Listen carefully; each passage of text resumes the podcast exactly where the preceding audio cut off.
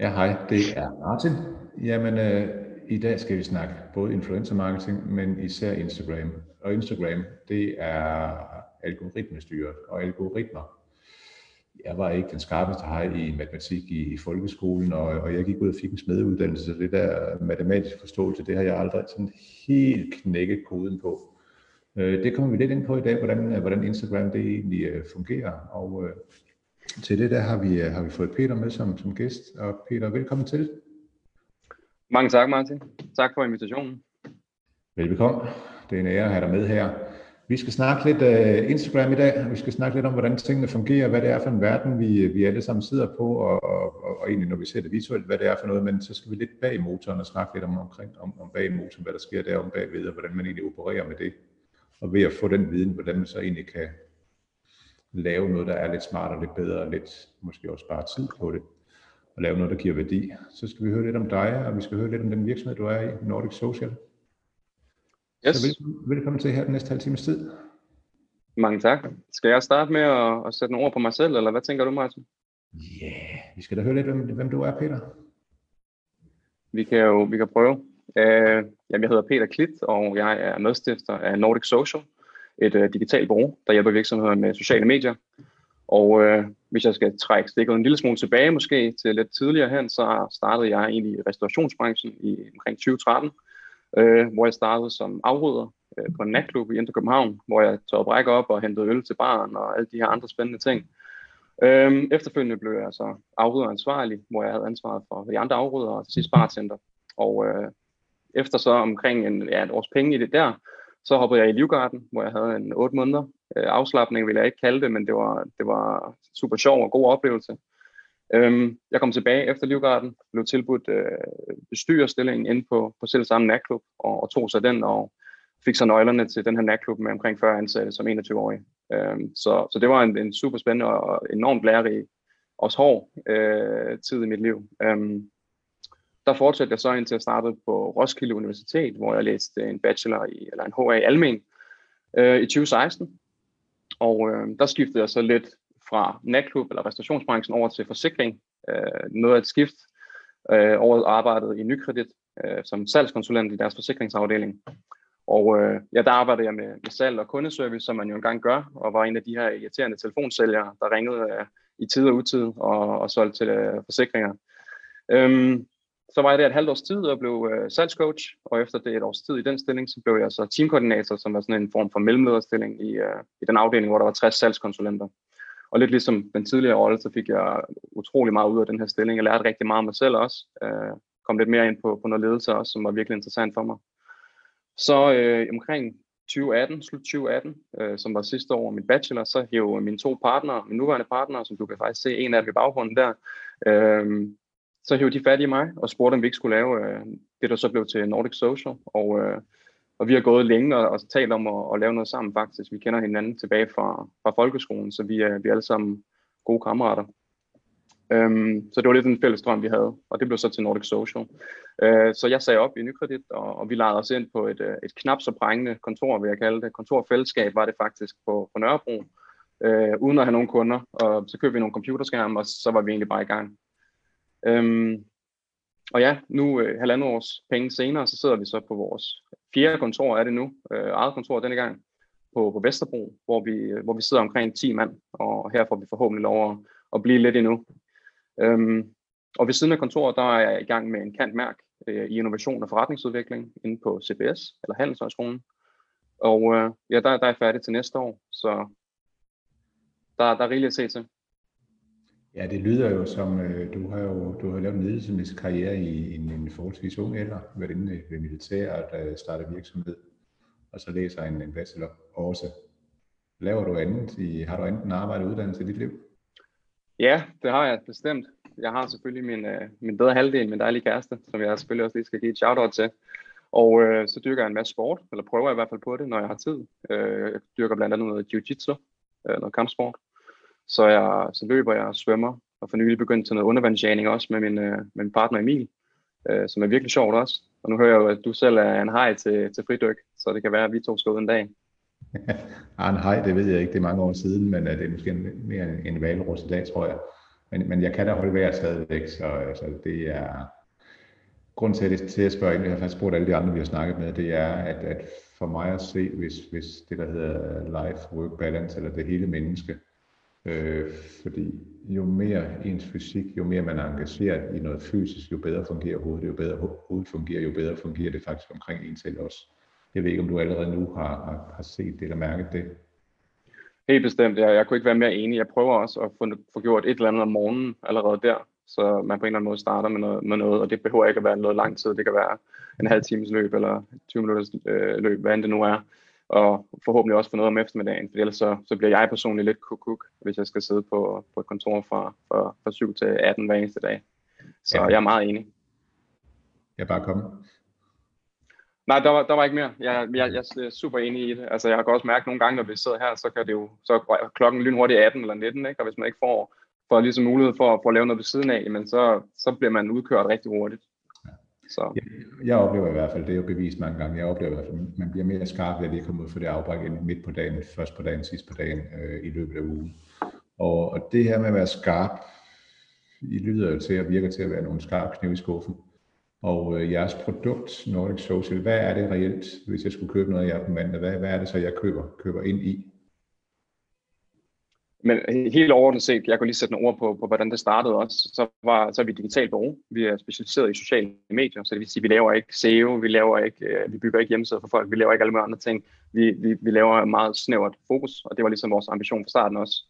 Uh, vi vil gerne arbejde hen imod at blive et eller andet form for knudepunkt eller, eller epicenter for øh, eller sådan go-to-bureau inden for sociale medier, øh, der ligesom kan hjælpe dem virksomheder med, med alle slags udfordringer, uanset hvilket område det er, at den enkelte virksomhed har behov for, og ligesom at, at tilføre nogle eksterne kompetencer til.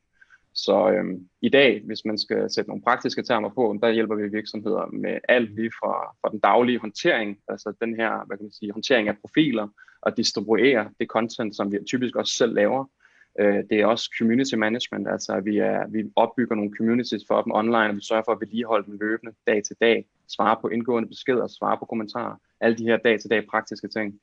Det er også øh, tekstforfatning, øh, det er også grafisk produktion, animering, øh, animationer til folk, der måske har et, et team, eller har en, en social afdeling, der gør det mega godt, men måske har behov for noget, noget ekstra ammunition til deres daglige indsats. Så går vi ind og hjælper dem med at lave noget ekstra content så de ligesom kan følge med og måske opretholde den høje frekvens, de gerne vil, vil bibeholde. Det er også øh, foto og video til dem, der gerne vil have lavet nogle, nogle annoncer eller, eller noget ekstra content, og måske ikke helt selv kan følge med på den del heller. Øhm, og så er det også annoncering, altså at vi opsætter Facebook-kampagner og Instagram-kampagner, sågar Pinterest og YouTube har vi arbejdet på. Så vi prøver ligesom at, at blande alle de her forskellige aspekter og elementer i en pakke, og så kan vi øh, tilrettelægge den her pakke alt efter den enkelte virksomheds behov. Ja, så I er, I er jo en, en del i det, når man nu skal frem, fremføre et produkt ud i markedet, så, det, så er I jo en del af det, der hedder markedsføring. I tager ikke hele pakken ind, gør I? Øh, det er et godt spørgsmål. Jo, vi, vi er en del. Vi er sådan ofte en forlænget arm fra marketingafdelingen, særligt i de større virksomheder, som har en del ressourcer til den verden allerede. Øh, så der er enkelte cases, hvor vi ligesom har startet ud med eksempelvis at håndtere Instagram, og så vil de også have Facebook, så vil de have LinkedIn, og så vil de have de her andre ting. Så der begynder vi at lægge til vores engagement med dem, og, og det kan vi sagtens løfte. Men som sagt, så vil vi heller, vi vil gerne undgå at lave alt for meget. Vi vil gerne fokusere vores, vores tid og vores, øh, vores indsats efter, hvor vi ved, at vi kan levere en, en stor forskel, og det gør vi primært på de sociale medier. Øhm, og det, det gør også, at vi måske ikke træder så mange over tæerne af, af vores øh, konkurrenter eller konkollegaer, øh, fordi vi måske kan passe ind i en eller anden form for konstellation, hvor der måske er et mere overordnet marketingbureau på, men hvor vi så håndterer den her mindre del af det overordnede setup. Øh, så det har vi i hvert fald haft, haft stor succes med, og, og gøre det stadig i dag. Det er fedt at høre. Tillykke med det, fordi det, det vil sige, at I kan arbejde både med den lille virksomhed, der har det lille budget, men I kan også gå ind i en større kontekst, hvor det er, måske man har to-tre bureauer på hen over året, hvor I egentlig kan være på kryds mellem de kampagner, man så laver. Præcis, og, og altså, vi har jo arbejdet med, nu, nu startede vi jo kun for halvandet års tid siden, så man kan sige, der var jo også en, en løbetid i starten, før man ligesom bliver, bliver, bliver ordentligt, kommer ordentligt i gang. Det er der jo altid, når man starter en virksomhed. Men øh, vi har arbejdet og arbejder stadig med, med både små, helt små startups. Vi snakkede selv om en, en, en ny kunde, vi har fået tidligere, der er mig, og, øh, og større corporates, altså sådan nogle som øh, Loyal og Just Eat har vi arbejdet med og arbejder stadig med. Øh, så vi kan ligesom skubbe vores indsats ind hos øh, de forskellige typer af virksomheder, øh, hvad end de nu har behov for. Jeg, jeg blev mærke i, jeg hørte et af de første indlæg herinde på ugen, øh, hvor hun nævnte, at hun primært arbejdede med, øh, med offentlige instanser. Og der er vi jo lidt i den helt anden ende, fordi vi arbejder typisk kun med, med private virksomheder. Det er ikke fordi, vi ikke vil ind og arbejde med, med offentlige, tværtimod, det vil vi gerne. Men øh, vi arbejder primært med, med private, og det er så både B2B og, og, og B2C. Øh. Ja, når du så siger B2B og B2C, hvis vi lige prøver at knappe det op. Vi sidder lige nu her med, øh, med en Facebook-gruppe, det er privat profiler, der ligger inde i Facebook-gruppen. Men bagved er der et momsnummer, bagved er der en virksomhed. Hvis vi nu i Facebook-gruppen over på Forholdsklubben, som vi sidder med, skulle sælge, det kunne være at informere om eller planen omkring et økonomisystem, der har fået en ny feature,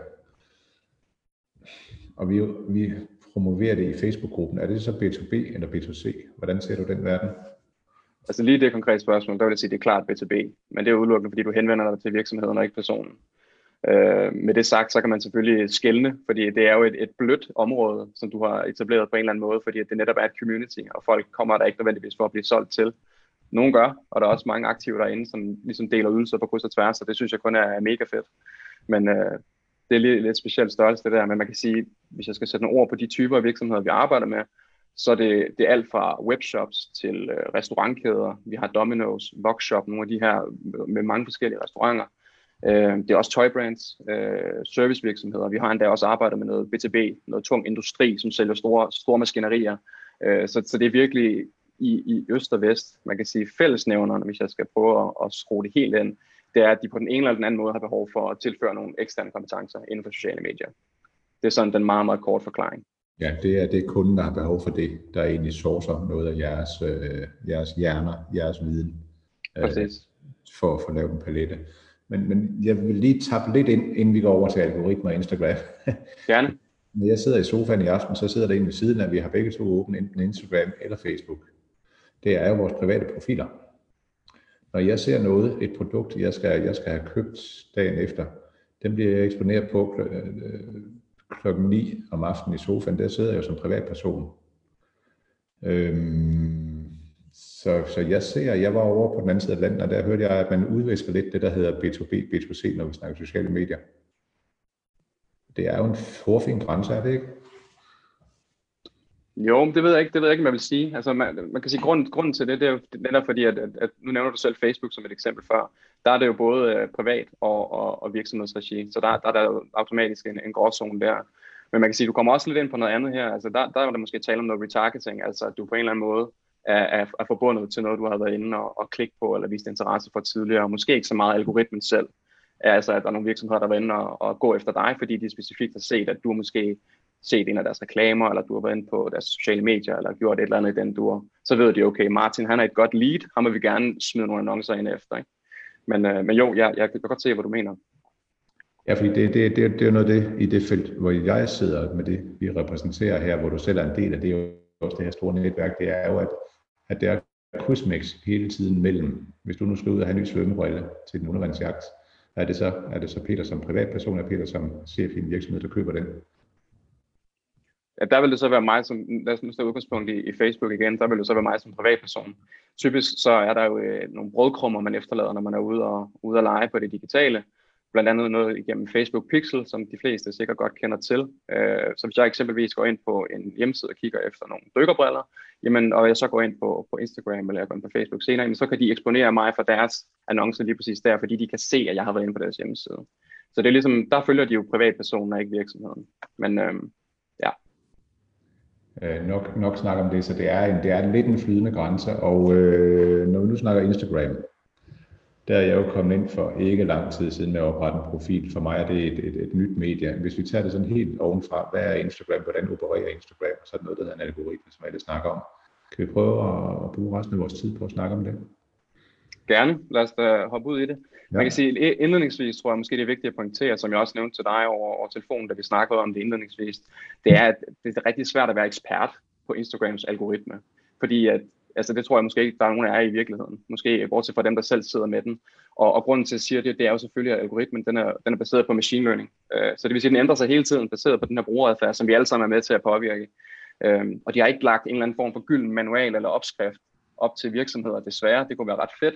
øh, der ligesom siger her, sådan her gør I. Øh, de er faktisk ret gode til at holde kortene tæt på kroppen.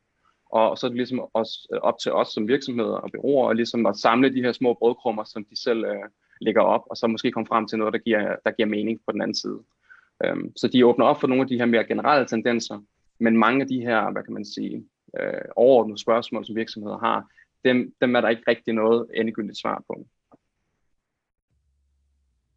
Men øh, hvis jeg skal fortsætte derfra, så altså vi taler tit med virksomheder, som, øh, som gerne alle sammen vil høre de nyeste tricks, de vil have de nyeste hacks og trends inden for den her Instagram-algoritme, så de ligesom kan slå den. Det er ofte sådan, man taler. Der er det her kat-mus-scenarie, hvor man hele tiden går imod øh, algoritmen, og den ændrer sig, og så skal man tilpasse sin indsats, og så videre, så videre. Og det gør de jo, fordi de gerne vil have nye likes, eller øh, nye følgere, og de vil gerne have flere likes. Og, og selvom jeg godt forstår rationalet i, i det her ønske, det giver jo mening, at de gerne vil performe bedre, jamen så synes jeg måske også, det er et forkert sted at starte. Øh, og det er også lidt den her disclaimer, jeg lige vil komme med. Øhm, og, og man kan sige, formålet, hvis vi skal snakke om formålet med Instagrams algoritme, i, i modsætning til, hvad mange måske går og tror, men det er jo ikke nødvendigvis at gøre det vanskeligere for virksomheder at ligesom knække den her kode. Det er faktisk at skabe den bedste brugeroplevelse for deres brugere. Og det lyder tilbage, når du sidder i din sofa om aftenen, så vil de gerne sikre sig, at du har en god oplevelse, når du er inde på din øh, alle på deres platform, fordi så ved de, at du vender tilbage i morgen. Øh, og det er jo grundlæggende deres eksistensgrundlag, altså at deres brugere de er glade, og de kommer tilbage efter mere. Og så kan man selvfølgelig tage den lidt videre og sige, at det også er at holde på brugernes opmærksomhed længst muligt, fordi så kan de eksponere dem med annoncer fra virksomhederne. Men det er sådan en lidt anden sag. Men øh, ultimativt så handler det om, at de gerne vil gøre deres brugere glade. Øhm, så ofte så prøver virksomheder ligesom at undgå den her overordnede tendens med at købe følgere, købe likes, købe kommentarer, på en eller anden måde få noget, øh, noget inaktivt, eller inautentisk, undskyld, adfærd, så de kan snyde det her, den her machine learning eller den her algoritme. Og, og det kan måske virke eller lade til at give dig sådan en hurtig gevinst upfront, men algoritmen den bliver bedre og bedre, og den bliver meget mere fokuseret på at opsnuse og, og straffe til dels også inautentisk adfærd. Så, så vi anbefaler aldrig, at man gør det. det. Det kommer ikke til at gavne dig i det lange løb i hvert fald. En anden ting, jeg også oplever lidt, hvis jeg må fortsætte ud i min øh, smør her, Martin, det er, at uh, virksomheder, de glemmer måske lidt deres, man kan sige, overordnede kernenarrativ eller deres story øh, i jagten efter de her forskellige algoritmehuller. Øhm, og den ændrer sig jo hele tiden, så, og vi ved stadig ikke præcis, hvordan den fungerer, så det er bedre måske at bruge sin tid på, på, øh, på det, man rent faktisk ved, der kan rykke, og det er også lidt det, vi skal tale om i dag hvordan skaber du de bedste grundvilkår for din Instagram, så du kan bruge den aktivt, også til influencer marketing. Øhm, og helt overordnet set, så handler det jo først og fremmest om at lave noget flot, visuelt fængende og engagerende indhold, som folk eller dine følgere og din kernemålgruppe, de rent faktisk har lyst til at se på, de har lyst til at engagere sig med det, altså at trykke sig ind på det, kommentere det, gemme det, hvad end det nu kunne være. Og så handler det om at fortælle den her historie. Jeg møder tit virksomheder, der gerne vil i gang med Instagram, og så sender de mig 10 produktbilleder på en hvid baggrund, og så siger de her, lav et community for mig det er sjældent, det er så gralt, men tendensen holder, altså at vi bliver nødt til måske at se videre end bare det her. Øhm, med det sagt, så er der selvfølgelig nogle overordnede sådan, tendenser eller elementer, som grundvilkår, man skal have styr på, for at virksomheder ligesom kan, kan skrue deres indsats ordentligt ind. Ja. Øhm, og den helt, den helt, hvis jeg skal, hvis jeg skal fortsætte her, så den helt overordnede tendens, eller den helt overordnede ting, det er, at man skal skabe engagerende indhold. Jeg nævnte det kort før, men øh, der er alt for mange, som lægger alt for tunge øh, salgsorienterede opslag op, brandorienterede opslag op, og det er ikke altid, at følgerne synes, det er så fedt. Øh, ofte så synes virksomheder, at deres egne produkter er virkelig fede, de synes, at deres egne ydelser er så spændende, at så må alle andre også synes det. Det er bare ikke øh, realiteten. Så øhm, helt overordnet set, så er det en god idé at tænke ens følger eller ens målgruppe ind i sin opslagsproduktion, altså når man er i gang med at forberede sin indsats. Så hele tiden tænk, hvad vil mine følgere synes om det her? Får de reelt noget ud af at se mit opslag? For hvis du ikke gør det, så vil algoritmen ikke hjælpe dig overhovedet. Så det handler generelt om at lave noget content, noget indhold, hvor du ved, at der er nogen på den anden side, der synes, det er sjovt, de synes, det er flot, de synes, det er lærerigt, educational, hvad end det nu kunne være, således at de har lyst til at trykke like, således at de har lyst til at kommentere, gemme eller sende videre til venner og familie. Og det er ligesom sådan, man skaber de her ringe i vandet. Øhm, og så kommer det næste spørgsmål, hvordan gør du så det? Øh, og det gør du først og fremmest gennem uh, højkvalitetsindhold. Mange de, uh, de tænker også, at jamen, så kan jeg lige tage et hurtigt telefon med, øh, uh, billede med telefonen, og så er det egentlig det. Den holder ikke helt. der er flere og flere ombud, der er flere og flere, der kæmper om opmærksomheden, og hvis du ikke leverer godt content, så kommer du ikke til at, at, at performe derinde. Det er først og fremmest et visuelt medie, Instagram, så det skal, det skal man selvfølgelig også have med. Øhm, en anden god ting, det er måske at være relevant. Det vil sige, at øh, sociale medier, det læner sig op, det op af noget, der er trendy, eller noget, der er relevant for, for lige præcis nu her. Og det betyder ikke, at du skal skrive øh, covid-19 i alle dine opslag, men det er en overordnet tendens, som man skal have med som virksomheder, hvis du gerne vil ligesom, slå algoritmen, hvis jeg skal bruge det, det udtryk, men så skal du spille op af algoritmen. Og algoritmen den kan godt lide ting, der er trendy, den kan godt lide ting, der er relevante. Så holder jeg altid gerne en finger på pulsen, for ligesom at se, okay, hvad er det, der rører på sig? Er der noget, det behøver ikke at være Father's Day, men det kan være noget, der er relevant for, for den pågældende dag. Det, det fungerer rigtig godt i hvert fald. Øhm, noget andet, man også måske skal være opmærksom på, det er, at Instagram, som i, i nogle lande allerede nu er begyndt at fjerne likes.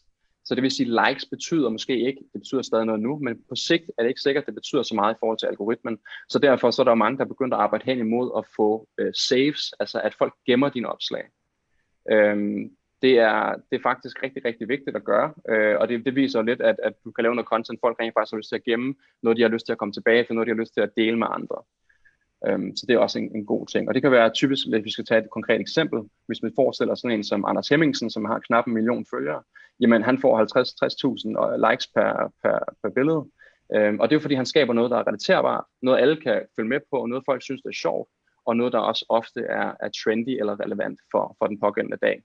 Og det er ikke fordi, at man skal lave memes som virksomheder, men den overordnede tendens om, at man laver noget, folk synes er sjovt og engagerende, den holder. Øhm, og inden for, hvis jeg lige skal flette en kommentar mere på det, inden for sociale medier, så plejer man at snakke om det her med at skabe værdi.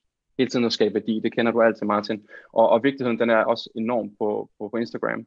Så en god huskeregel eller tommelfingerregel, det er, at man laver to tredjedel content, der er ret ens følgere. Det vil sige, det er værdiskabende for dem. Det kan være tips og tricks, det kan være konkurrencer, det kan være, det kan være x, y, z. Og, og så den sidste del, der må du så bruge tid på brand eller mere salgsorienterede opslag. Det er en god huskeregel i hvert fald at tage med. Så er der en anden ting, som øh, algoritmen den rigtig godt kan lide, øh, og det er virkelig brænde på bålet, den her. Og det er, at du er aktiv i det community. Og, og med det mener jeg, at algoritmen den værdsætter virksomheder, eller profiler for den sags skyld, som er aktive. Det vil sige, at de går ind og svarer kommentarer, de øh, svarer på beskeder hurtigt også, øh, de øh, svarer kommentarer retur, de liker dem. Generelt er de bare aktive inde på deres egen profiler i det her community. Hvis du forestiller dig en virksomhed, eller to virksomheder, de poster begge to fem gange om ugen. Den ene, den svarer ikke på nogen beskeder, den anden svarer ikke på nogen øh, kommentarer, den liker ikke noget, den gør ikke noget som helst, den anden gør alle de rigtige ting. Jamen, så vil algoritmen til hver en tid foretrække den anden virksomhed. Så, og det er også noget, vi ser, at folk ofte negligerer. Så er der frekvens, hvornår du poster, øh, og hvor tit du poster. Øh, der er lidt både lidt for og imod. Skal man poste hver eneste dag? Skal man poste to gange om ugen? Som udgangspunkt så handler det egentlig om at finde den frekvens, der giver mening for man kan sige, din virksomhed og den overordnede målsætning. Ofte så har virksomheder vidt forskellige øh, ressourcer, også når det kommer til Instagram. Altså har de, hvis det er et stort brand, så har de masser af ressourcer, de har masser af fotografer og videografer, folk, der kan lave super flot og engagerende indhold. Hvis du er en mindre virksomhed, startup, så starter du ofte på ground zero, og så har du ikke noget at holde dig op til. Og så kan du ikke sige, at jeg gerne vil poste fem gange om ugen. Så det handler også om at være lidt pragmatisk. Øh, men noget algoritmen øh, lægger væk på nu, især fordi at, at det er blevet for, mere og mere populært, det er stories, Instagram stories, som er de her 24 timers historier.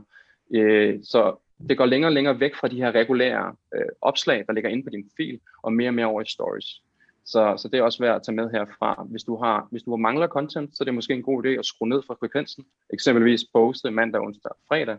Og så kan du fylde de her gaps med, med nogle sjove og, og engagerende stories. Um, og det, det leder meget godt mod, videre mod stories. Og, og, og det er et, en, simpelthen et fantastisk værktøj til at, til at lave noget, øh, til at lave nogle interaktive ting, hvor du altså kan engagere din, øh, din målgruppe. Øhm, og med det mener jeg, at grunden til, at stories det vinder indpas frem for regulære opslag, det er, at der er en langt mindre barriere for os som forbrugere til at trykke eller engagere med en story, end det er med et opslag. Og det skyldes, at det er anonymt. Det vil sige, hvis jeg skal gå ind og lave en, hvis du laver et opslag, Martin, så skal jeg gå ind på din øh, profil, og så skal jeg kommentere, så kan du se mit navn, du kan se, at jeg har liket det, og det vil jeg måske ikke have andre til at se. Men på story, der er det fuldstændig anonymt. Så det er en rigtig god måde for virksomheder at bearbejde deres publikum på, og ligesom at lære dem bedre at kende, fordi de rent faktisk svarer oprigtigt der, fordi der er ikke nogen andre, der kan se det end dig. Så det er, det er virkelig anbefalesværdigt, at man gør det. Og det, et andet trick, der er i forhold til stories, det er, at det er en god måde at få folk gjort opmærksom på, at du har et nyt regulært opslag.